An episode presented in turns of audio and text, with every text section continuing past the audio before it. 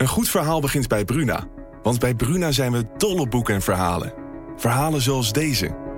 De slagen van de noodklok dreunen over het dorp. Zwaar en dreigend. Ze overstemmen de gemoedelijke drukte op de markt. En alle handelingen vallen stil. Wat zou er aan de hand zijn? vraagt Oda ongerust. Wil jij weten hoe dit afloopt? Je leest het in Bloedlijn van Simone van der Vlucht. Nu bij Bruna. Dit programma wordt mede mogelijk gemaakt door Toto.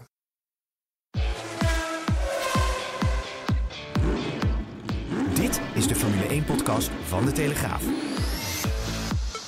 Erik van Haren en Christian Albers praten hierbij over het belangrijkste Formule 1-nieuws. Ja, leuk dat je weer luistert naar een nieuwe aflevering van deze.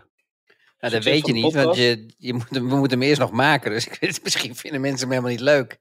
Ja, dat is echt dat- een slap verhaal voor jou. Hoezo? Ja, Ja, eh, je zegt ja, leuk. Ja, misschien zeggen die mensen straks aan het einde, ik, vind, eh, ik vond er geen hol aan. Nee, maar ze luisteren nu nog in de eerste 10 seconden. Ja, Ja, dan is nog de vraag of ze die laatste 10 seconden er ook zitten. Hè? De, de luistertijd die is heel belangrijk bij een podcast.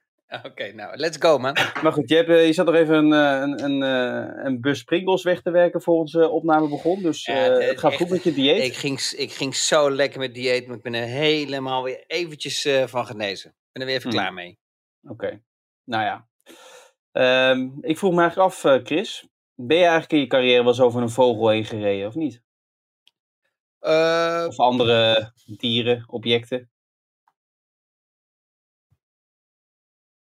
ja, ik heb er wel een paar gehad altijd. Eerlijk gezegd. Ik denk dat ik wel eh, een paar zijn gesneuveld bij mij. Ja? Ja, ja, ja. Stiekem wel, ja. ja. Maar geen, geen slechte eh, herinneringen aan, wat dat betreft. Jawel, in de sidepods en dat soort dingen allemaal. Met Oh, de ergste is natuurlijk voor de monteurs. Ik bedoel, voor mij is het allemaal, eh, weet je wel, ja, ik raak er eentje en is klaar. die Maar die halen. monteurs natuurlijk, is gewoon, eh, dat, dat is natuurlijk echt geen leuke job om dat eruit te, te krabben en eruit te peuteren. Daar word je niet Nee. vrolijk van, moet ik eerlijk zeggen. En helemaal, ja. en helemaal, je krijgt zo'n gegrilde barbecue effect, hè, weet je wel, dat zomer begint. Want die radiator, die is natuurlijk zo warm, dat je dan, eh, ja, eigenlijk gewoon, eh, het ligt natuurlijk aan wat je geraakt hebt. Het kan ook eh, gebraden duif zijn. Ja. ja. Duif, duif zeggen ze dan, hè, duif. In Maar, Utrecht. Utrecht. Je zit weer in die, in die bekende bezemkast in Utrecht. Zeker. Stuur eens een locatie waar je zit, waar die bezemkast is. Nou, die schuift gewoon in mijn huis te zijn. Het is niet dat ik bij de bezemkast van de buren zit, ben gaan Dat is niet normaal, joh. Maar ik zou je vertellen, daar moet gewoon eens een keer gewoon een controle uitgevoerd worden. Want dat, kan, dat klopt geen snars van daar, al die bekabeling die gewoon allemaal los zo hangt daar zo in je huis. Nou, dit is gewoon de oplader van mijn laptop. Maar, eh, oh, nee, ja, maar gewoon alles is open bloot daar gewoon. Ik denk, als je daar gewoon iets aanraakt, sta je gelijk onder stroom. En die jassen lekker er dichterbij. Ook le- ik zou die jassen nog even dichterbij hangen, joh, bij al die bedrading. Waarom niet? Niet omdat het moet, maar omdat het kan. Ja, nou, ik heb een mooi vaderdag cadeautje gekregen. Die eh, ga ik hier ook ophangen. Dus eh, Oh, eh, leuk. leuk dat je het vraagt. Ehm, Slim kind heb jij, zeg. ja, dat ze nu al ja, dat maakt er voor jou. nadenken. Is Ja, is ongelooflijk, Heel ja. pinter. Ja. Ja. Hoe Maar oud goed, was ze? Het is nog steeds, wat is ze? Bijna zeven maanden. Maar dat is wel, ik vind het toch wel knap dat ze dat helemaal in elkaar gesleuteld heeft voor jou. Ja, eh, ja, dat wordt gewoon een hele grote. Dat weet je nu Ze al. is zelf ook naar de winkel gegaan. Zeker. Nee, ze heeft zelf iets geknutseld. Oké, nou let's go. Maar goed, ik wou eens over die vogel. Dat was het haakje natuurlijk met Max Verstappen die dat deed in eh, Canada. Ja. Ehm, denk je dat dat dan nog enige performance eh, scheelt? Of is dat eh, ja, voor ons sowieso nauwelijks te, te meten van afstandje? Maar Nou, dat ligt er een beetje aan waar die vogel erin komt. Maar in principe denk ik niet dat ze er echt last van hebben gehad. Anders hadden ze het ook wel gezegd, denk ik. Ja, dat is wel gezegd. Maar kijk, je, je wilt natuurlijk, alles wordt steeds compacter en alles wordt steeds kleiner in die sidepods. Je wilt steeds eh, minder drag hebben. Dus die sidepods die wil je ook steeds een beetje smaller maken. Niet te smal zoals bij Mercedes natuurlijk. Maar al, al denk ik persoonlijk dat dat niet het, echt het grootste probleem is geweest. eh, of eh, het grootste probleem is, waardoor ze zo langzaam zijn. Ik geloof helemaal niet in het, in het andere sidepod eh, effect. Maar oké, zwaar. Ehm, ik ben ook geen aerodynamica. Ehm, maar het gaat natuurlijk om van, kijk, als, je als zo'n vogel natuurlijk echt gebraden wordt op die, op die, op die radiator, ja, dan, dan, ko- dan komt er geen lucht meer doorheen. Dus het ligt er natuurlijk ook aan hoe groot hij was. Kijk, als er natuurlijk een ooievaar in komt, dan, dan heb je een ander verhaal daar- als, als een klein geen- musje. Perez scheen over een adelaar te zijn gereden. Ja, daarom was hij zo, eh zo traag het weekend. Ja. Ja, maar goed. Ik- trouwens ja. Perez. Oh ja, we kregen een... Per- Ja, nee, het is Pe- Perez. Je Perez? legt de, je legt de nadruk op de eerste ehm, eh, ja. greep. Dus zeg maar, ik kreeg inderdaad een reactie van iemand die uit Barcelona, in Barcelona woont. Sorry, ik ben de naam even kwijt. Ik heb het niet voor me. Maar goed dat je dan... Maar ja, het is heel lastig om dat nu nog te wijzigen. Want iedereen in Nederland zegt Perez. Ja. En in de paddock. Dus ja, ik weet niet of ik me daaraan kan gaan houden. Maar goed, ik zal het proberen. Maar ehm, eh, ja, ik sprak na afloop van de race met wat, eh, met, engineers bij Red Bull. Met de GP onder andere. Met de technische directeur Pierre Waché. Die waren toch nog wel van... Ja, het was niet zo makkelijk als we misschien van tevoren hadden verwacht. Hè? eh, met, gezien onze snelheid. Nu, nu moet ik wel zeggen dat engineers vaak redelijk conservatief zijn. En ze weten natuurlijk ook met wie ze praten. Hè? Ze weten dat ze met een journalist praten, niet met de, met de plaatselijke bakker. Maar ehm, vond jij dat ook? Ja, 100%. Ja. Dit was eh, het eerste weekend van Red Bull dat ze minder oppermachtig waren als al die weekenden daarvoor. Ja. En eh, dat zag je ook gewoon duidelijk ook. Of dat, eh, er zijn twee factoren die een rol kunnen spelen. Of, nummer één, is dat ehm, ja, de andere teams toch een stapje hebben gemaakt en die wat Mhm. dichterbij zijn gekomen.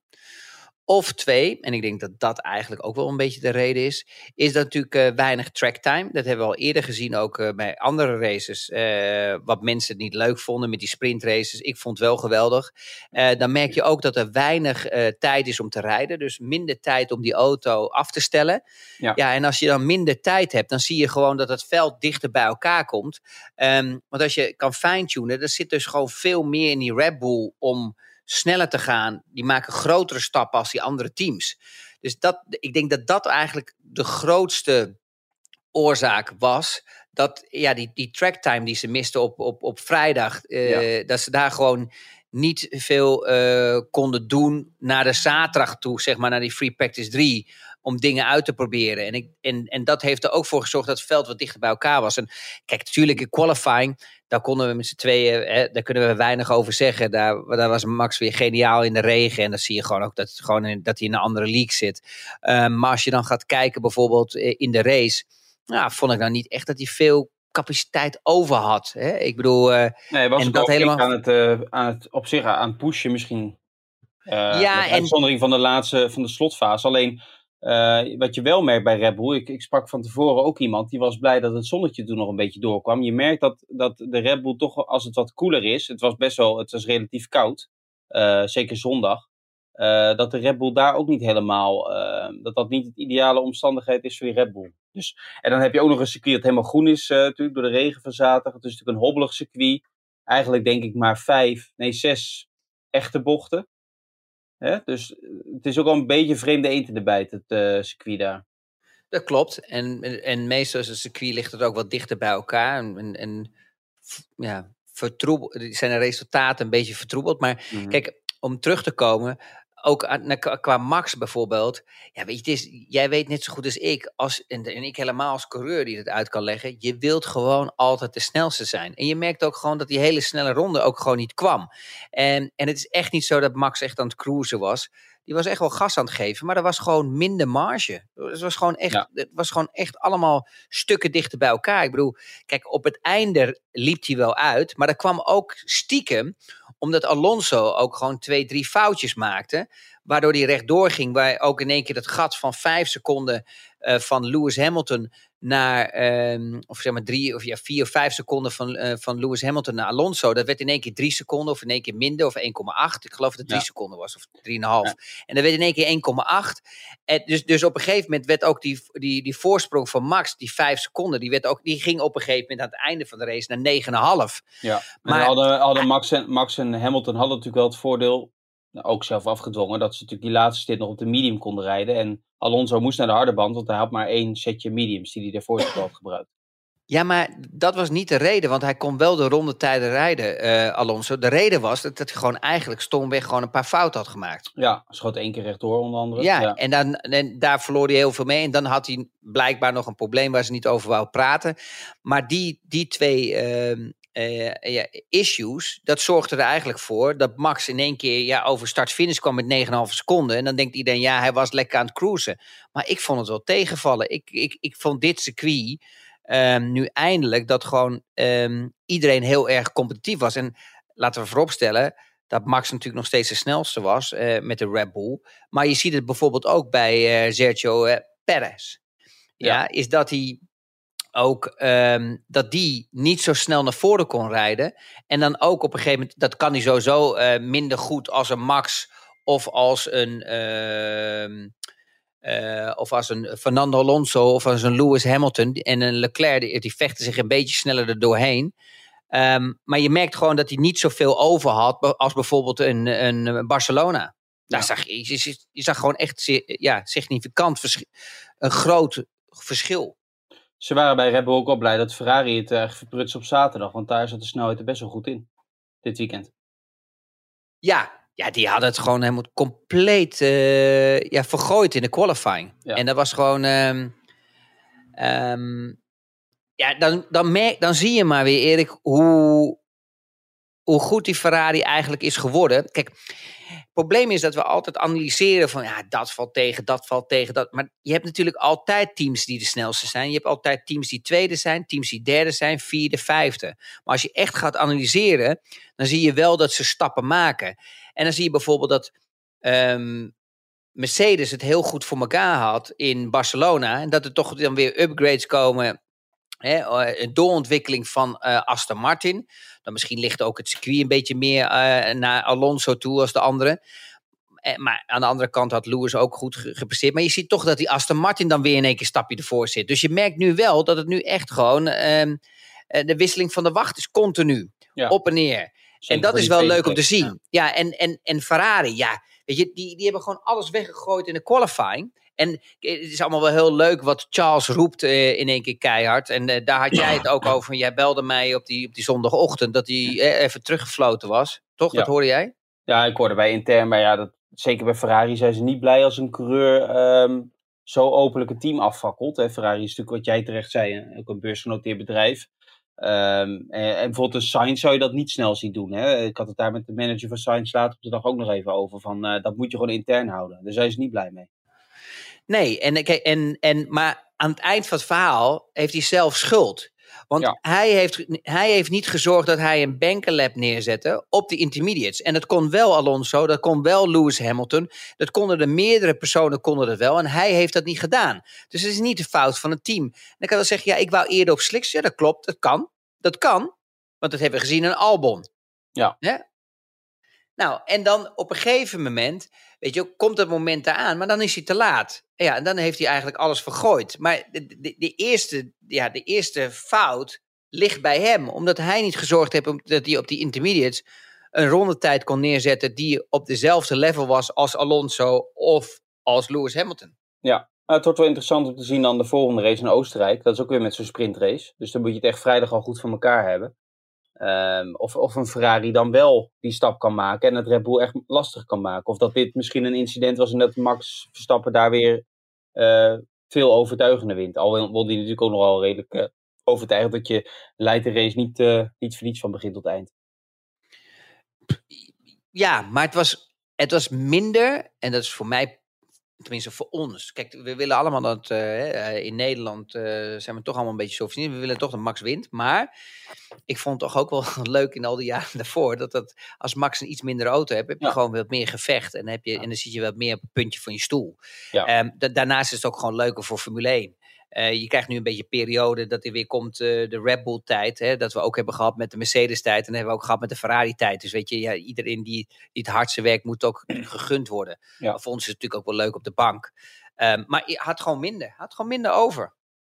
Nou ja, op zich eh, is dat inderdaad voor de neutrale fan zeker, zeker leuk. En, en Perez, is hij nou helemaal een knock-out? Of wat die allemaal aan het doen is, hij haalt voor de derde keer op rij Q3 niet op zaterdag. Ook tijdens de race had de snelheid er niet echt in. Is dat nou, Nee. Zit dat nou tussen de oren? Want hij heeft hetzelfde materiaal. Ik weet niet, weet je, het kan een combinatie zijn van een beetje bad luck. ehm, druk erop die er staat natuurlijk. eh, ja, hij pompt zichzelf natuurlijk ook helemaal op eh, voor zijn eigen thuispubliek. Ja, Eh, Die druk Maar ja, vanuit dat, van, van het heel Latijns-Amerika is natuurlijk wel heel groot. En ook vanuit zijn familie. Dan moet je natuurlijk ook tegen bestand zijn. En je, maar je kan, Ja, maar- ligt ook bij jezelf. Je kan er zelf ook eh, beter tegen bestand zijn. Door, door veel minder snel te roepen van ik ga voor de titel vechten. Ja, je, je, moet, je moet wel wat zeggen. Anders ben je toch ook een, een, een, Ja, een dat is zwakke lul. Ja. Eh, Sorry dat ik het zo zeg, maar het is natuurlijk, het is natuurlijk ook zo. Je, wilt, je, wilt, eh, je bent toch sportman, puur zo'n sportman. En dat is natuurlijk altijd een betere. Maar als je niet in jezelf gelooft, kun je er beter mee stoppen. Dan hebben we straks nog maar één coureur die rondrijdt. Dat is dan Max. Ja. Ja. Of één coureur die rondrijdt, dat is alleen Lewis Hamilton of een Fernando Alonso. En dan houdt het eigenlijk een beetje op. Dus ja, weet je, je blijft dat toch altijd houden. Dus hij moet, hij moet zichzelf ook verkopen en je moet ook in jezelf geloven. Ehm, en wij zijn als analisten en ook de kijker thuis op de bank om te beoordelen of dat wel zo is en het niet zo is. En ook de, de, de beoordeling komt ook, eh, eh, die, die, ja, die vloeit ook voort uit de resultaten en de prestaties. Ja, en die zijn er niet. En, en ja, er wordt dan altijd gezegd, ja, hij is de king of the streets. Nou ja, sorry, maar vorig jaar eh, heeft Max, eh, had hij gewonnen in Baku en niet eh Perez. Correct? Ja, uit mijn hoofd. Ja. Ehm, in Monaco vond ik hem nou ook nog niet zo gigantisch sterk vorig jaar. En je ziet nu dat Max eh, wel gewoon weer veel sterker was in Monaco. Dus weet je, het wordt allemaal zo'n. Het is ook maar natuurlijk de, de journalistiek. En, en, en, en natuurlijk hoor jij daar niet bij, hè, maatje van me. Maar eh, de journalisten. Ja, de journalisten willen, die moeten natuurlijk ook een verhaal schrijven. Dus ze moeten natuurlijk ook wel gewoon een slap verhaal verzinnen. Ja. En een beetje de hype eh, erin te knallen om, om Ja, maar ook- stukjes te schrijven. Je hebt ook Ik zie dat ook altijd aan jou hoor. Als ik nou kijk naar jouw gezicht. Je staat zo onder druk om elke keer maar allemaal van die stukjes te moeten schrijven. Ik vind het echt Ja, heel. Ik vind het echt heel het eh, tot nu toe best aardig, denk ik. Maar, ehm, Gaat je lekker eh, af. eh, kijk, je kan ook jezelf en de lezer voor de gek houden door echt te zeggen dat er een serieuze titelstrijd. Die is er nooit geweest. Want ja, je kan heel makkelijk zeggen, na Baku was het verschil zes punten. Dat is feitelijk juist. Alleen je moet dan wel kijken naar de langere termijn, naar het grotere plaatje. Sindsdien heeft Verstappen elke race gewonnen. Hij heeft denk ik intern ook zo, of in zichzelf zoiets van gehad, ik ga die Perez nu helemaal afmaken. En natuurlijk zegt hij dat niet. Maar zo zit hij natuurlijk wel in elkaar. Zo zit elke topcoureur. Zo zit Hamilton natuurlijk ook in elkaar. Zo zit Alonso ook in elkaar. En zo 100%. moet je in elkaar zitten. Ja, 100% ja. Ehm, Geert Hopmaas, we hebben het nu toch een beetje net over Ferrari. Die vraagt zich af, hoe kan het dat een normaal zo bandenvretende Ferrari nu zo lang door kon blijven rijden op de mediums? Ehm, of kwam dat allemaal omdat het relatief koud was? Ja, relatief koud. Maar ook, eh, ze hebben toch wel wat veranderingen doorgevoerd om wat minder agressief op die banden te zijn. Dus ik denk dat ze wat downforce hebben afgenomen.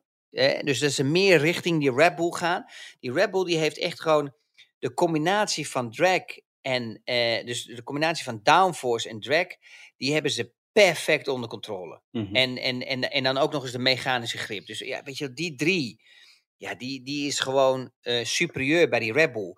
En daar moeten die anderen proberen af te stellen. En daar is al een keer, weet je wel, een bewijs geweest. Eh, ga maar terug naar ehm, Brazilië met de Mercedes'en. Daar zag je dus ook gewoon duidelijk dat de Mercedes ook gewoon veel te veel drag hadden. Want daar heb je dus natuurlijk die ijvele lucht. En, en dan zorgt ervoor dat je natuurlijk wat minder drag hebt. En dan zag je dat ze wel in één keer competitief waren. Ja. En, en da- dan kan je in één keer zien wat gebeurt er als ik minder lucht eh, heb. Ja, Ja. Dan, dan daar, die richting moet ik op.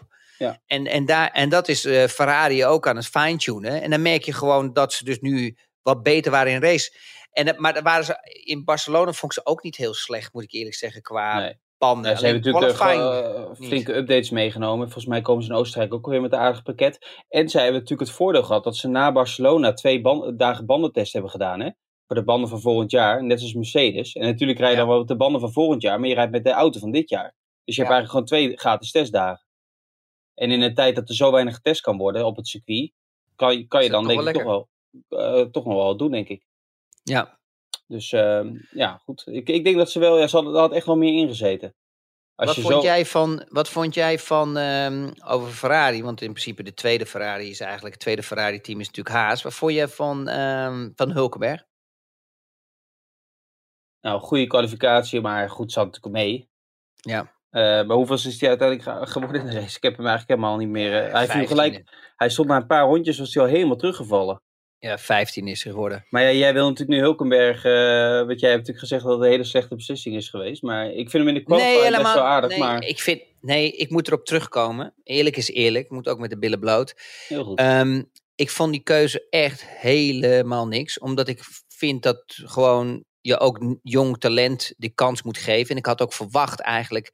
En ja, weet je, deze Haas neemt gewoon pakketten af bij Ferrari. Dus je, je- als je ook ga- gaat kijken naar die sidepods en alles. En gewoon de stroom. Het is gewoon. Soms zijn de dingen wel anders, maar het is dezelfde filosofie. En ik heb nog steeds het gevoel van dag één. dat ze gewoon eerst die Haas vooruit sturen in zo'n windtunnel. Weten welke richting ze op moeten gaan. En dan komt Ferrari. Dus ja, dan heb je toch stiekem toch wel extra wi- windtunneltijd. Dat is Ja. mijn gevoel.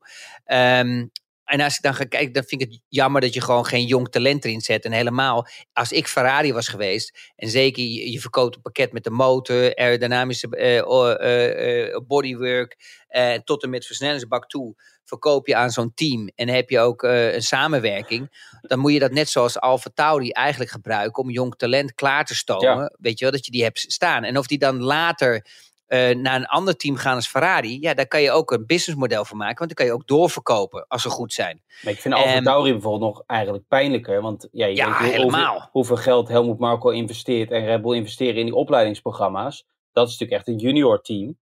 En ja, die hebben dan blijkbaar toch niemand paraat staan. Waardoor, ja, waar Nick de Vries natuurlijk mooi van geprofiteerd heeft. Door, door die plekken van, eh, van Gasly eh, op te eisen. Maar ja, normaal gesproken, en heeft niks met Nick te maken. Normaal gesproken zou daar natuurlijk gewoon een jong talent moeten rijden.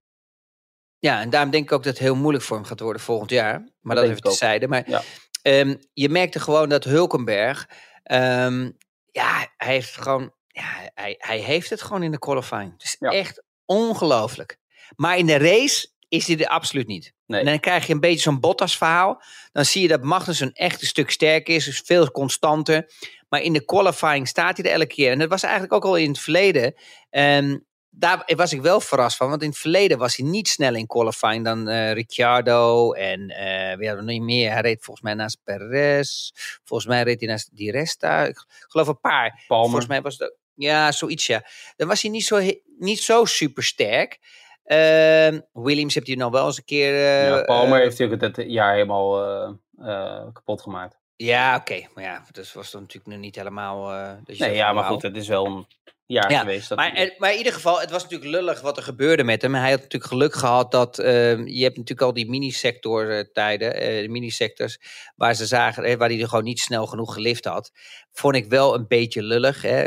Die delta krijg je dan in stuur. Je krijgt een eh, rood lampje, volgens mij ook nog in je stuur. En, ehm, en je hebt dan ook nog eens een keer een pieptoon in, eh, in, je, in je oor. Ja, dus Ja. hij was een beetje confused. Maar normaal krijg je tien plekken straf hè, en nu kreeg hij er drie. Ja, dat weet ik ook, maar ik vond nog steeds wel. Weet je, kijk, het, het was eigenlijk al bocht 1. Dus dat betekent dat je komt over start-finish. Ja. Dan, zit je, dan zit je helemaal in je ritme. Ja, weet je, je praat daar echt over, eh, over, over sec- secondes, weet je wel. Het is nou niet zo dat we het over bijna een minuut hebben dat je te hard hebt gereden. Het is echt gewoon bocht 1 erin, bocht 2 erin. Ja, en, en dan Nee, ben je al de lul. Dan, jij hebt het altijd over die constantheid van de FIA met straffen. Als je, da, als je daar rekening mee gaat houden, dan, eh, dat kun je, ja, dan, kan je, dan, blijf je ook, dan ga je nog meer Nee, schipperen. dat ben ik, nee, dat ben ik met je eens. Je moet een keer een lijn trekken. Ik ben het ook met je eens. Maar ik vond het wel gewoon lullig voor hem. Want het Ja, was dat zeker, een mooi ja. resultaat. ja. Dat zeker, ja. Ehm, ja. We hadden het net even over Magnussen. Die viel natuurlijk vooral op met dat duel met eh Nick de Vries. Ja, Eh Nick zat aan de binnenkant dat, ja. richting die ja, bocht 1-2, hè, die snelle combinatie. Maar ik had het idee dat, dat toen raakten ze elkaar natuurlijk al. En ik had het idee dat Nick richting die volgende bocht dacht van nou, eh, en nu pak ik je even terug. Maar goed, hij verremde zich natuurlijk. Nou, ik had meer het gevoel, kan je vertellen, ik, ik had meer het gevoel dat die Magnussen een beetje link werd. Ehm, zeker na, na bocht 1, dat hij na bocht 2 er gewoon tussen hield. Dat is typisch eh, Kevin Magnussen. Ja, ja. Het mag gewoon. Ik weet het. Ik vind het niet altijd netjes. Ik vind geen leuke coureur op het circuit, hoe lang die iedereen afhoudt en hoe die echt gewoon in het midden gaat rijden en zo. Wel knap.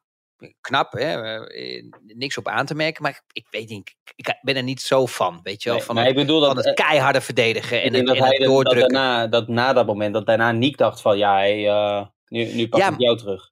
En ik had dan ook het. Ik, had dan, ik dacht weer eigenlijk van dat Kevin weer link was. En dan komt hij. Want op een gegeven moment, Niek, die verremt zich, die gaat rechtdoor. En toen dacht ik, nu krijg je gewoon een ordinaire, ordinair straatgevecht. Ja. Ja. weet je, gewoon in de file, weet je wel. Dat de ene de andere afgesneden hebt of in het verkeer. En die, komt de- even, ja. en, die, en, die, en die komt even verhaal halen. Ja. Want dan heb je gezien hoe die hem even neerzet daarachter. Zo schuin, zo daarachter, zo van, ja, zo, jij kan niet meer achteruit er rijden. Nee. Ja, en ik dacht echt van die stapt uit en die, die geeft een pak op zijn sodemieten. Sloeg echt helemaal nergens op. Ik vond het zo absurd. Als ik, de, als ik daar had gezeten bij de FIA, had ik daar gewoon een straf voor gegeven. Ik bedoel, wat, wat had dit... Ik sloeg toch helemaal nergens op, Erik. Je, zie, je bent het met me eens dat hij hem gewoon toch zo schuin achter zet. Dat hij gewoon geen kant meer op kan. Ja, je, en je ziet in de, in de huidige auto's dat coureurs soms wel moeite hebben om, om in ze achteruit te krijgen. Alleen Nick zei, ja, ik had, ik had hem eigenlijk gelijk. Alleen ja, ik kon niet naar achter. Ja, maar, dat is, toch, ja, maar dat, dat is toch ongelooflijk? Ja. Daarvoor zeg ik het. Dus het begon gewoon. Uh, ja, ja Nor Norris kreeg een straf. Dat heb ik eigenlijk zelden gezien. Uh, met de reden eh, dat hij. Uh, dat het geen sportmanship was. Maar die had Magnussen wat dat betreft dan ook al verdiend. Los van het feit dat de Vries actie ook niet zo slim was. Hè, op de baan zelf. Nee, en, en, en Nick. Um, die heeft gewoon. ja, jammer genoeg weer geen goed weekend gehad. Weet je, hij krijgt toch gewoon weer 4,5 10 aan zijn fiets. Ondanks dat hij niet de laatste ronde had in de qualifying. Daar moeten we ook eerlijk in zijn. Maar ja, dat moet je ook, dat moet je ook timen. Daar moet je ook uh, volwassen in zijn. Dat, dat moet je ook zelf beslissen. Ook met je engineer. Je moet zorgen dat je daar paraat staat om als laatste over finish. Nee, volgens mij was het uh, Tsunoda nog later. Ja, oké. Okay, dan vergelijk ik met Tsunoda. Ja, maar ja, maar de, de, de baan is natuurlijk op. Ja, maar, ja, maar de baan droogt natuurlijk op. Ze, ze deed een compromis door nog een keer eh, voor nieuwe inters te gaan. En toen had hij nog twee getimede rondjes. Maar die eerste brak hij af. En toen had hij toch nog wel met een goed... Ja, toen zat de druk natuurlijk op. Maar toen had ik wel wat meer verwacht. Maar de Alfa ging sowieso niet zo heel goed. Alleen, ja, Tsunoda zat er toch ook alweer aardig bij op zondag. Na een hele vroege pitstop. Zat er ehm, weer goed bij. Ja. Hij, liet weer, hij had weer de bovenhand. Um... Had je hem nog genoemd als verrassing van het jaar voor jou? Vrijdag bij Viaplay? Of... Jij moest er iemand noemen? Ik had, uh, ja, ik had Lewis en Tsunoda. Oké. Oh, je doet tegelijk weer twee. Okay. Ja, ik vind het makkelijker. Vind ik leuk. Ja, ik kan wat meer praten, joh. Ja, ja, dan heb je zo, ja. Het, ik begin een man te worden. Ik vind het fijn om even af en toe te babbelen. Ik komt zo tekort. Um, ja, de man van het weekend wat mij betreft, die uh, Williams. Ja, zeker. Ja. Wat, sorry, maar je, je, gaat wel heel snel. Ik wou nog even één dingetje kwijt over uh, Niek. Dat mag. En daar hebben we het met z'n tweeën wel eens vaak over gehad. Maar ik weet nog niet of we dat nou echt bij de luisteraar uh, hebben aangegeven. Maar ik denk het allerbelangrijkste, waar echt het grootste probleem ligt, is dat Niek, die had van dag één gewoon zichzelf moeten verseren in die underdog positie. En dat heeft hij nooit gedaan. Hij heeft hem met twee handen aangepakt met al die PR eromheen. En ik denk dat hij het wel mooi vond op dat moment. Ik weet het niet, maar het was de stomste beslissing ooit. Want daardoor is eigenlijk direct of indirect altijd de druk erop komen te staan bij hem. Hij had gewoon moeten zeggen: joh, jongens, het is allemaal heel leuk wat het team zegt. Het is allemaal heel leuk wat Red Bull zegt. Wat Dr. Marco zegt. Wat Frans Toos zegt. Maar ik ben gewoon een rookie. Ik heb één race gereden. Ik heb een goed resultaat gehad. Ik heb wat geluk gehad dat die Williams één compound zachter elke keer kon rijden als de rest van het veld. Waardoor we competitief waren. Ja, maar dat is nu natuurlijk geen realistisch beeld. Ik moet zo snel mogelijk gaan leren. En ik hoop dat ik zo snel mogelijk op hetzelfde niveau kom. Na vijf, zes, zeven of tien races als Tsunoda. En dan hopen te kunnen laten zien uh, waar, uh, wat ik waard ben. Maar wat, daarentegen, wat doet hij? Hij houdt zich stil en, en hij omarmt het eh, zelfs nog dat hij het team gaat dragen. Het is gewoon veel te vroeg. Ja, en dat is natuurlijk even een. Eh, want aan het begin van de podcast zei je dat Perez dat het logisch was dat hij zei dat hij voor de titel ging. Maar dat is natuurlijk wel een andere situatie inderdaad. Nu gaat het om een rookie die net binnenkomt. Waarvan inderdaad van de top van het team, van uh, de teambaas Tost en van Helmut Marco, de echte grote baas, natuurlijk ja, eigenlijk vanaf dag één de druk erop is gelegd. En dan zie je nu dat Helmut ook over Perez en over Nick de Vries, in, als je er iets over vraagt, onderwerken te denken, best wel uh, lief voor ze is. Alleen je voelt gewoon dat de druk erop staat. En ik, ik sprak ook iemand die zei dat die echt wel, of meerdere mensen zelfs, dat ze toch wel het gevoel hebben dat het kamp Ricciardo, uh, hè, die is natuurlijk nu derde coureur bij Red Bull, dat die toch wel ja, steeds meer een beetje de, de, de, de paden of de, de wegen aan bewandelen is om de druk erop te zetten. Om misschien toch dat stoeltje uh, te grijpen. Ik hoop het ook uh, voor Ricciardo. Ik hoop het niet voor uh, Nick. Nou, ik, ik, vind, maar ik, vind Ricciardo hoe die... ook niet zo. Dan zou ik eerder nog zo'n nee. Lawson erin zetten. Ja, en ik vind Ricciardo... Maar aan de andere kant, ik hoop het voor Ricciardo. Omdat ik gewoon het sneu vind hoe hij nu zichzelf in een positie wringt... om allemaal wat dingen aan te pakken om in de publiciteit te komen. Ik vind het echt afschuwelijk worden. Ja, daar hebben we het eerder ook over gehad. Maar laat ik voorop Ik hoop eigenlijk dat Nick het gewoon nog oppakt. En dat die, uh, het seizoen is ook... Het is pas juni, hè. We, ik, ik merk ook in de reacties, af en toe wordt er al gesproken alsof die... Uh, Alsof, hij al, eh, alsof het al finito is. Maar misschien heeft hij in Oosten... We hebben nog vier races voor de zomerstop. Dat zijn natuurlijk gewoon hele belangrijke races op, op, op normale permanente circuits. Hè? Oostenrijk, Silverstone, uh, Hongarije en Spa-Francorchamps. Dan moet hij het echt wel laten zien. Kijk, als hij het nu nog vier keer verkloot, of een paar keer, dan weet je hoe Helmut Marko in de zomerstop kan, kan reageren. Ja. Dus ik, dat zie ze er wel... niet, ik zie ze er niet geen veranderingen doen uh, voor Zandvoort. Nee, maar ja, na Zandvoort is ook een beetje raar. Dan heb je een week later weer een race. Maar goed.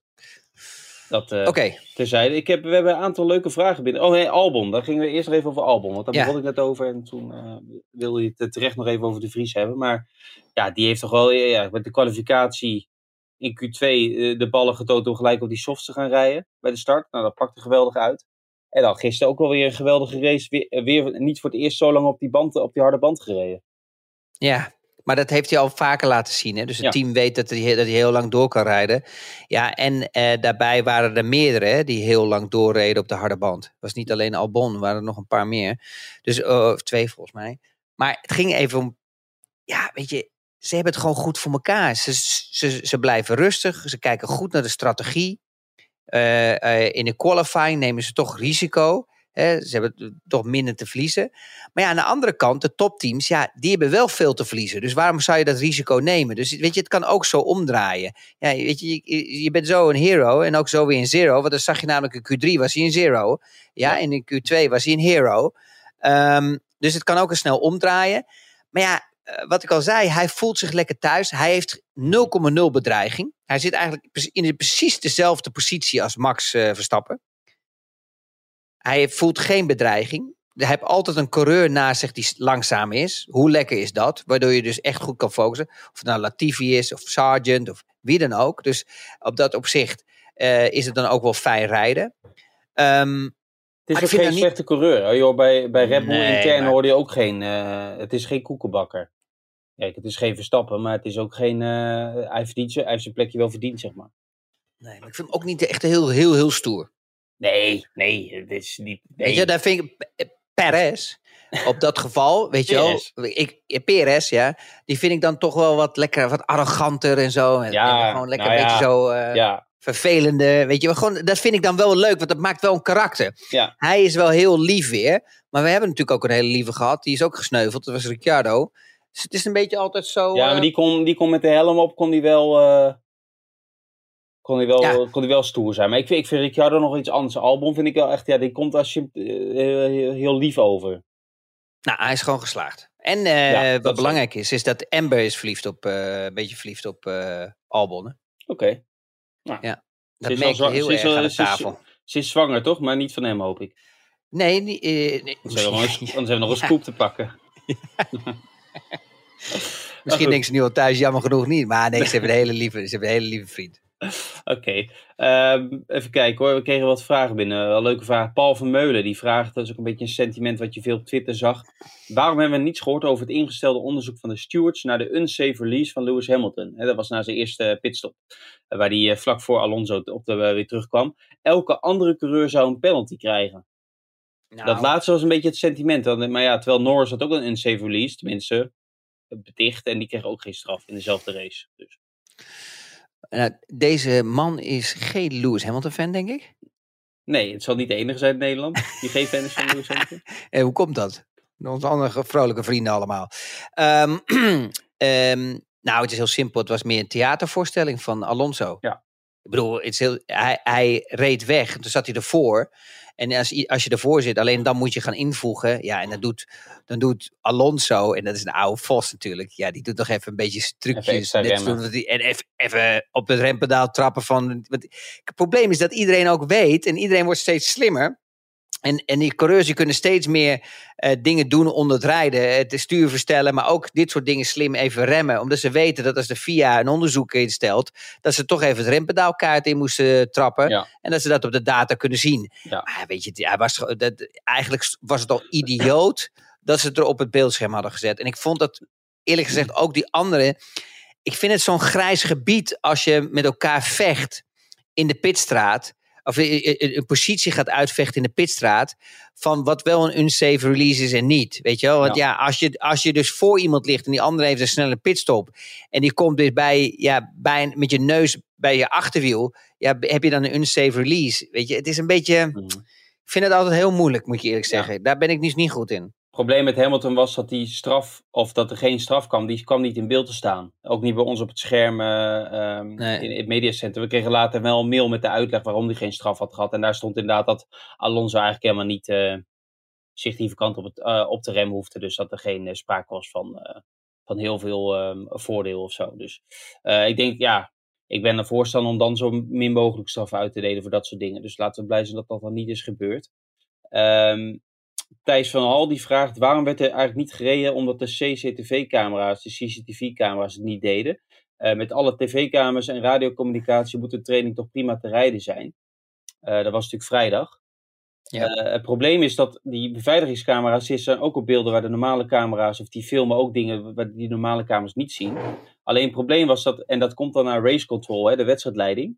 Alleen het probleem was dat er 20, 30 seconden vertraging op de lijn zat. Dat was het probleem. Dus de camera's deden het wel, alleen de vertraging was het probleem. Dus je moet je voorstellen, als er iets gebeurt, zij zien op het andere scherm dat iedereen al in de pitstraat rijdt, maar op hun beeldscherm zien ze nog die auto's rijden. Ja, dat, dat kan natuurlijk niet als je op een rode vlag of zo uh, een signaal moet drukken. Dus dat is gewoon te gevaarlijk.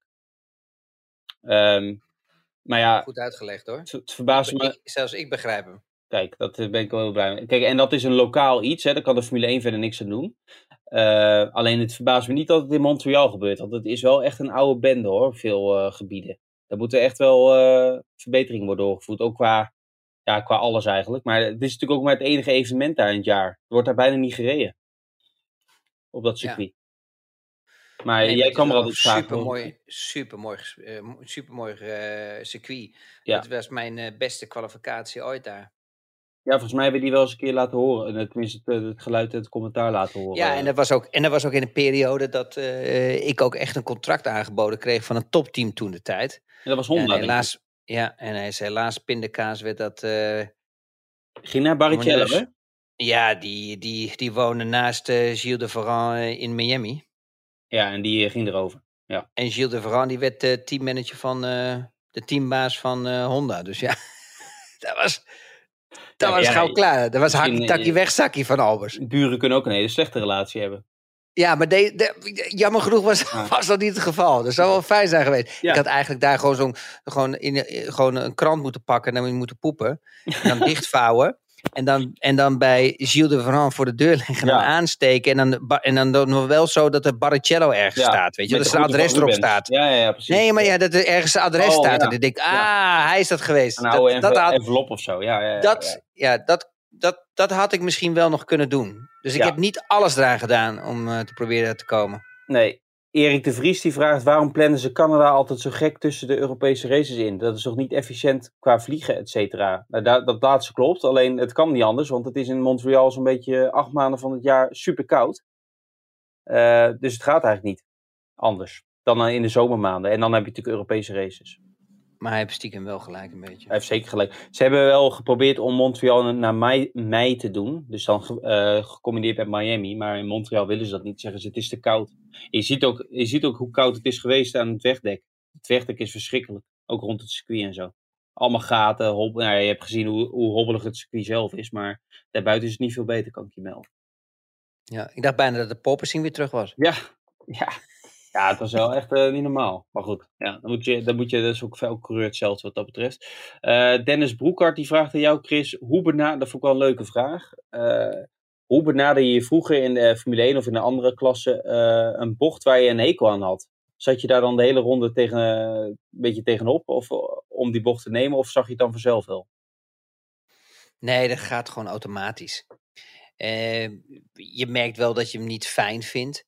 Maar je bent met zoveel handelingen bezig en je bent zo geconcentreerd mm, dat je er eigenlijk helemaal niet over nadenkt. Je denkt er pas over na als je gestopt bent, weet je wel. Uh, en je, stapt uit de auto, dan denk je eigenlijk wel eens van, van nou, dit circuit vind ik echt helemaal niks. Of dit circuit vind ik fantastisch. En je hebt altijd favoriete bochten en wat minder favoriete bochten, weet je Wat vond je nou echt een grote bocht? Wow, ja, dat zou ik niet eens weten, moet ik heel eerlijk zeggen. Hm. Ik vond... Uh, Ja, nee, dat viel eigenlijk wel mee. Maar ik had, wat ik gave bochten vond bijvoorbeeld, is, eh, n- eh, eh, om een voorbeeld te geven, was eh Nürburgring, de eerste bocht. Denkt iedereen, wat is dat voor iets raars? Maar dat komt omdat je dat aan de binnenkant in één keer wegzakt. En dan bleef altijd je rechter voorwiel gewoon in de lucht staan natuurlijk. Omdat zo'n Formule 1 auto heel stijf is. En dan voelde je de klap als het ware. Dat je, de, dat je erin valt, zeg maar. Dan heb je wat e- meer grip. En dan kun je gewoon hap, gewoon vol op het gas staan. Omdat je dan die hele auto eigenlijk als het ware neerkomt. Ja. Dus dat vond ik altijd wel een coole bocht. En ja, je hebt natuurlijk dan ook in, eh, in Suzuka. Ja, wat ik het mooiste vond was daar die S's, joh. Dit, dat, is, dat is zo gaaf. Mhm. Je bent zo druk bezig. En als je echt gewoon een paar centimeter verkeerd uitkomt. Dan mis je gewoon een combinatie van drie bochten. Dan, kan je, dan, dan kom je er niet meer in. Dan, dan krijg je te veel onderstuur. En, en, en dan, heb je dat, dat, dan heb je dat rolmoment niet meer. Die snelheid heb je niet meer in die auto zitten. Nou, dan verlies je daar gewoon zo heel makkelijk gewoon eh, echt een paar tienden tot een halve seconde. Ja. Dus dat was heel erg belangrijk. Dat je die, al die knikken precies goed aansneed. En dat je, dat je niet, ta- niet eh, ja, jezelf over, eh, overdrijft. Hè? Want dan had je, dan had je echt een probleem. Ja, overdrive. Overdrive. Ja, O- overdrive. Eh, jij noemde de Nürburgring, maar je merkt wel bij de Formule 1 dat ze wel graag alweer naar Duitsland willen. Of nou Nürburgring is of Hockenheimring. Vind ik ook wel, ja. Ehm, je merkt natuurlijk nu Audi hè, komt eh, vanaf 2026 erin, dus daar moet je niet gek van, eh, van opkijken. En er is ook al een coureur best volgens mij wel aan het shoppen bij, eh, om bij Audi binnen te komen. Ja? Ja. Wie is Die dat? heeft, die heeft een hele goede relatie met Andreas Seidel en zijn vader rijdt ook Oh. al voor Audi. Oh my god, nou. En ik zou je vertellen, ik zie het nog gebeuren ook. Want hij krijgt eh, elk weekend op zijn flikken van Leclerc. Ja, we hebben het over Carlos Sainz eh Ja, ten overvloed. laten we, laten we ook nog een beetje de kijkers nog even een beetje denken in de auto. Nou, en, kijk eens, eh, laten we het over luisteraars hebben. Luisteraars, sorry, Ja. luisteraars. Maar nee, ehm, ehm, ik, ik, ik zou je vertellen, ik zie dat nog ook wel gebeuren ook. Want, ehm, en iedereen zegt, nee, je wilt altijd bij het beste team rijden en al dat dingen. Ehm, ik geloof niet dat Audi zo'n stap kan maken. En dat, ik denk dat het echt lang gaat duren. Ik, ik ben wel fan van James Key, maar ik geloof nog niet dat hij op die level zit om een kampioenauto te maken. Eh, maar ik kan er altijd naast zitten. Ehm, maar ik eh, geloof wel heilig van een, een coureur. Als je naast iemand rijdt waar je altijd langzamer bent, ja, dan kies je eieren voor je geld. Ja. Dan, ben je er gewoon, dan ben je er gewoon klaar mee. En dat, dat, zie je, dat zag je bij Ricciardo, bij Max. Ja. Dan, dat zie je bij, bij iedereen zie je dat er eigenlijk gewoon die langzamer is. Dan moet je gewoon weggaan, want dan schiet gewoon niet op. En dan maak je jezelf helemaal gek. Nee, nou ja, voor, voorlopig nog geen Duitse race, hè, want de contracten zijn, de meeste contracten zijn nog wel voor een paar jaar, in ieder geval voor nog twee jaar. Volgend jaar krijgen we gewoon weer eh, eigenlijk dezelfde race als dit jaar, maar dan met Imola en China erbij. Dus dan kom je weer op 24. Weet je wat, wat, ik, wat, wat wel ehm, ehm, merkwaardig was? En ehm, wat je dus ook kan, eh, kan zien dat echt iedereen op het limiet aan het rijden was. Je zag zowel Alonso de muur raken. Ja. Als zowel natuurlijk Russell, die, eh, die, eh, die gewoon echt kapot ging en die in de muur klapte. En daaraan zag je gewoon dat Alonso echt aan het pushen was om eh Lewis bij te houden. Dus dat betekent dat die auto's redelijk dicht bij elkaar waren. Natuurlijk had Alonso daarna met de andere stint had hij de, de overhand. Maar je merkte gewoon dat ze echt gewoon echt op het limiet aan het rijden waren om elkaar bij te houden. En, en dan zag je toch dat ook een Alonso eh, behoorlijk eh, toch twee foutjes had gemaakt. Ja. En, en, en Russell ook. Alleen dan zie je het verschil tussen Russell, die de curbstone raakt, en Max. Russell, eh, die houdt het gas erop, want die is bang dat hij de aansluiting mist. En Max lift helemaal compleet, wacht tot de auto weer eh, op de grond is. Ja, en dat het op de ideale lijn is. En, en, en gaat weer verder. En dan zie je gewoon dat Russell te gretig was. Ja, en dan, en dan zie je gewoon dat hij gewoon gelijk een probleem heeft. Mochten jullie trouwens denken van, eh, dat mijn audio niet geweldig is, dat weet ik eigenlijk niet, want ik eh, zit nu gewoon op mijn oortjes. Maar ik had een nieuwe microfoon meegekregen, maar die eh, door de technische euvel werkt die niet. Die heb ik na een één minuut wel uitgezet, maar dat vertel ik jou nu, Chris. Maar we hebben een backup, het wordt gewoon opgenomen. Geen, eh, don't worry. Maar ik weet alleen niet hoe mijn geluid nu is. Ja, ik heb, ne- je gaat me nog niet vertellen dat, ik straks weer, dat we dus weer een heel uur moeten gaan opnemen. nee, je luistert niet. Eh, ik, dit wordt gewoon Ja, ik opgenomen. luister Alleen wel. Ik zou eigenlijk met deze cavia opnemen. Alleen eh, die cavia die... eh, nou ja, die Ik had een dag vandaag-. Ik had een dag vandaag, het ging echt helemaal nergens over. Nee, nou, ik zou vanochtend vliegen. ja. Ik, zou, ik had een directe vlucht. ja, dat heb je vorige keer ook al Nou, gezegd, hè? Via Parijs nee. ben je nu naar, terug naar Nice gevlogen, ja? Nee, ja, ik, ik had een directe vlucht vanochtend. Oh wel. Die was er niet. Toen Nou. moest ik eh, eh, eh, Amsterdam, Parijs. Ja, dat Parijs, Nice. Stond ik in één keer op de wachtlijst. Omdat mijn Sky Priority niet in was gevoerd. Oh. Op de wachtlijst. En toen zei ze, ja, je kan dan toch wel mee. Maar dan sta je ook op de wachtlijst in Frankrijk. Nou, het is, zie je mij maar staan bij die Fransen. Wel mooi Daar te lounge. proberen van die wachtlijst af te komen. En het probleem is dat mijn zoon eh, diploma kreeg om, om naar de middelbare school te gaan. Dus ik moest daar zijn. Ik moest thuis zijn.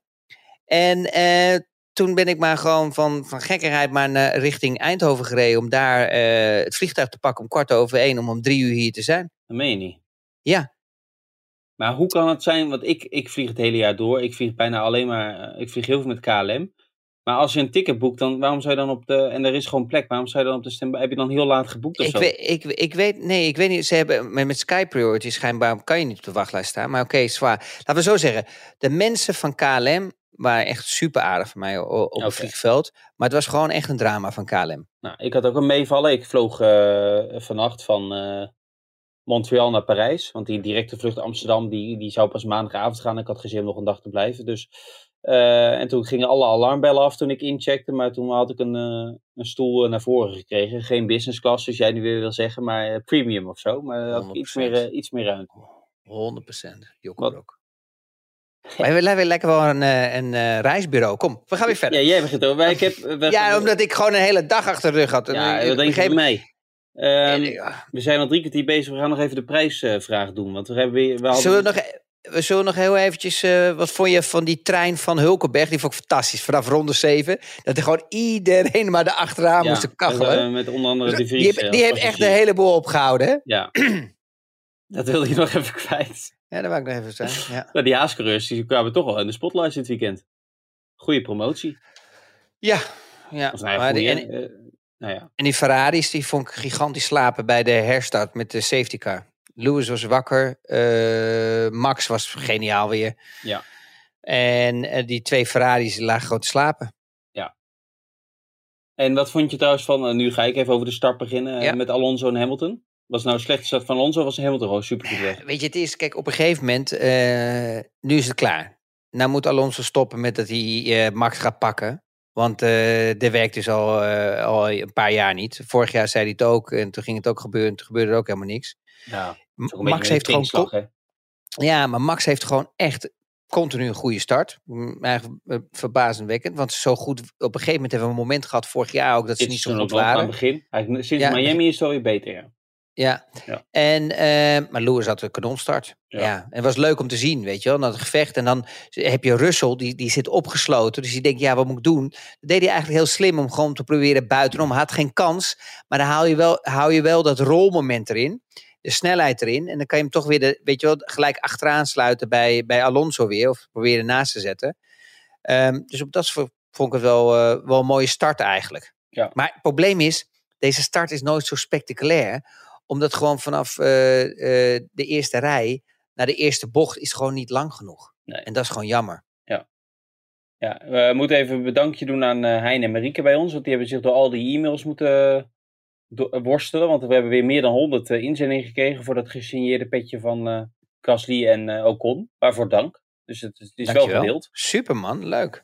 Eh, de vraag was, die ik vorige week stelde, was hoeveel coureurs die dit jaar actief zijn in de Formule 1 bij hun debuut punten scoorden. En eh, de winnaar is geworden Kees Spek. Kees met de C. Spek met de SPEK.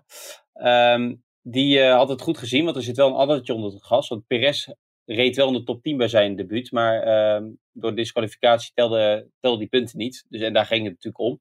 Eh, dus uiteindelijk kom je op eh, zes coureurs, hè, ook inclusief Nick de Vries, die vorig jaar punten pakte bij zijn debuut. Eh, hij zegt, mocht ik winnen, dus bij deze, doneer ik de Alpine pet aan mijn collega en Renault en Alpine gek. Die heet Klaas Borst en die heeft ook een Alpine A106. Er zijn heel weinig van gemaakt, gerestaureerd. En Oh, die, heeft hij coole zelf, auto zeg. die heeft hij zelf uit Amerika die ken ik, die ken jij niet hè? Nee wel, want hij heeft er een eh, link bij ge- geplaatst. Dus ik, Ja, maar je kent hem niet. nee, ik zal het naar je Je door. bent, je bent geen autoliefhebber man. Nee. Dat zie ik toch aan je auto altijd. En zit je helemaal niks. Ja, jij komt bij een Ferrari Ja. naar het Telegraafverbouw. Ik weet niet, eh, je, je kan nu voor Dat mij... is niet waar. Trouwens, Het was een Fiat. volgend jaar eh, moet ik elektrisch gaan rijden. Hij is, hij is elektrisch. Ja. Ja, Het is echt zo. ja. Ja, zie je, jij weet niks van auto's. Dat is het Ja, probleem met jou. Hij is niet... eh, dat is het laat enige waar laat wij niet op één lijn Laat zitten. ik het zeggen, die van mij mo- moet volledig elektrisch zijn. Ik kan 25 kilometer elektrisch Ja, rijden. dankjewel. Nou ja, ik doe het in ieder geval wel mee. Ja, 25 kilometer. Ja, is toch wel. Hij zegt ook nog, ga ze door met jullie podcast. Ook, ook dat elkaar afzeiken zo nu en dan vind ik wel amusant. Nou, bedankt Kees. Het petje komt eh, jouw kant op. Ik neem aan Ik, dat... dat, ik zeg altijd de waarheid. Ja, dat kan, bij, dat kan eh, samen eh, naast elkaar bestaan. Eh, ik denk dat we er wel zijn. Ik zie dat de klok alweer naar 50 minuten loopt. Ja, en Ik zie die gasleiding zie ik een beetje gloeien. Aan de achterkant Ja, bij je, op je, over je rechter schouder. Ik moet mijn koffer nog uitpakken, joh. Ik ben helemaal nog niet. Eigenlijk moet je nou hier nou eens een screenshot van maken. Die moet je eens op Twitter. Je, hebt- je, je doet toch al de social en zo. Dat vind je toch helemaal fantastisch, de social media. Dan kan je dat dan eens opzetten hoe jij er nu bij zit. Twitter vind ik wel leuk, omdat je daar mensen kan informeren. Maar ik- Doe nou eens gewoon zo'n foto. Dan kunnen die mensen nou eens een keer zien hoe jij erbij zit. Ja, maar dit Met die is- jassen daar rechts en Ja, links. maar Die, die, halve elektriciteit, die gewoon al twintig keer afgekeurd is. ik kan zit gewoon illegaal, zit je gewoon elektriciteit te Nee, is- trekken. ik betaal het zelf ook niet. Ik tap het af van de bovenburen. Dat dacht ik al. nee, maar ik kan wel in de woonkamer gaan zitten, maar er slaapt iemand de kamer ernaast. Dus ehm, Oh. Ja, dat moeten we niet hebben. Nee. Oké, man. dat was de reden. Ja. Wij zijn er over twee weken weer. Dan ben ik in ieder geval in de studio. Jij zal dan wel in Monaco zitten. Doe je via Play Oostenrijk? Nee, Oké. nee, helaas pindakaas. Nee, ik Welke? zit, ik ben gewoon lekker thuis. Silverstone daarna? Ja, Oké. ik doe wel Silverstone, ja. Nou, die doe Mooie race vind ik dat altijd eigenlijk stiekem. Weet je wel? Eh, ook leuk met de fans en zo. Dat is een beetje hetzelfde sfeer zoals eh Zandvoort. Maar dan anders. Dan Ja, voor de Engelsen. Zeker anders, ja. en dan, dan voor de Engelsen. En dan Zandvoort is dan voor de Nederlanders. Ja, ja, ik vind de Silverstone zijn wel meer mensen... Zie je wel meer fans van andere Neutraal. teams. Verschillende teams, Ne- ja. Ja, ze zijn wat meer neutrale. Maar ja, het is Alleen natuurlijk eh, ook je, zal nu zien als, eh, je zou nu wel zien als Verstappen wint dat hij wel flink wordt uitgejouwd. Maar goed, dat is ook een beetje het eh, gevolg van de kampioen. Hè? Dat kan Schumacher in het verleden komt er ook over mee. Ja, kom je gewoon niet meer onderuit, joh. Nee. Dus dat is echt het, het, het is niet oké, maar je komt, eh, je komt er niet meer onderuit.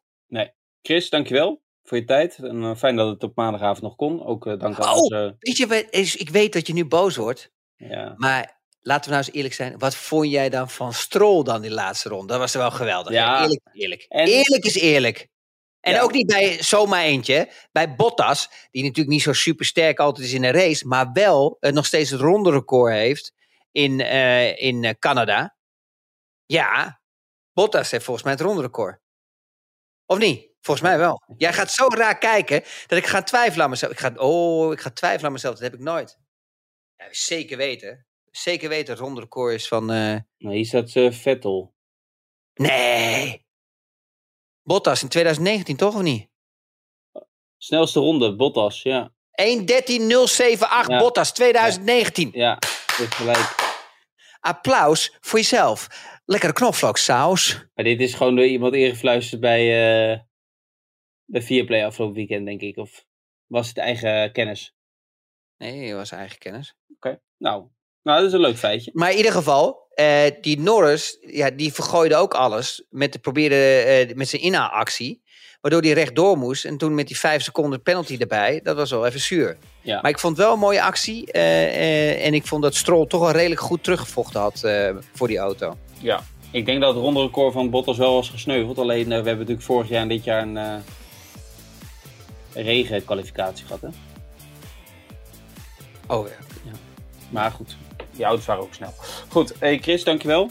Eh jullie allemaal bedankt voor het luisteren. En we zijn er over twee weken weer dan naar de Grand Prix van Oostenrijk. Weer een sprintweekend, dus eh dat kan Christian Albers hard wel ophalen. Top. Oké, Dankjewel allemaal voor het luisteren. Dit programma werd mede mogelijk gemaakt door Toto.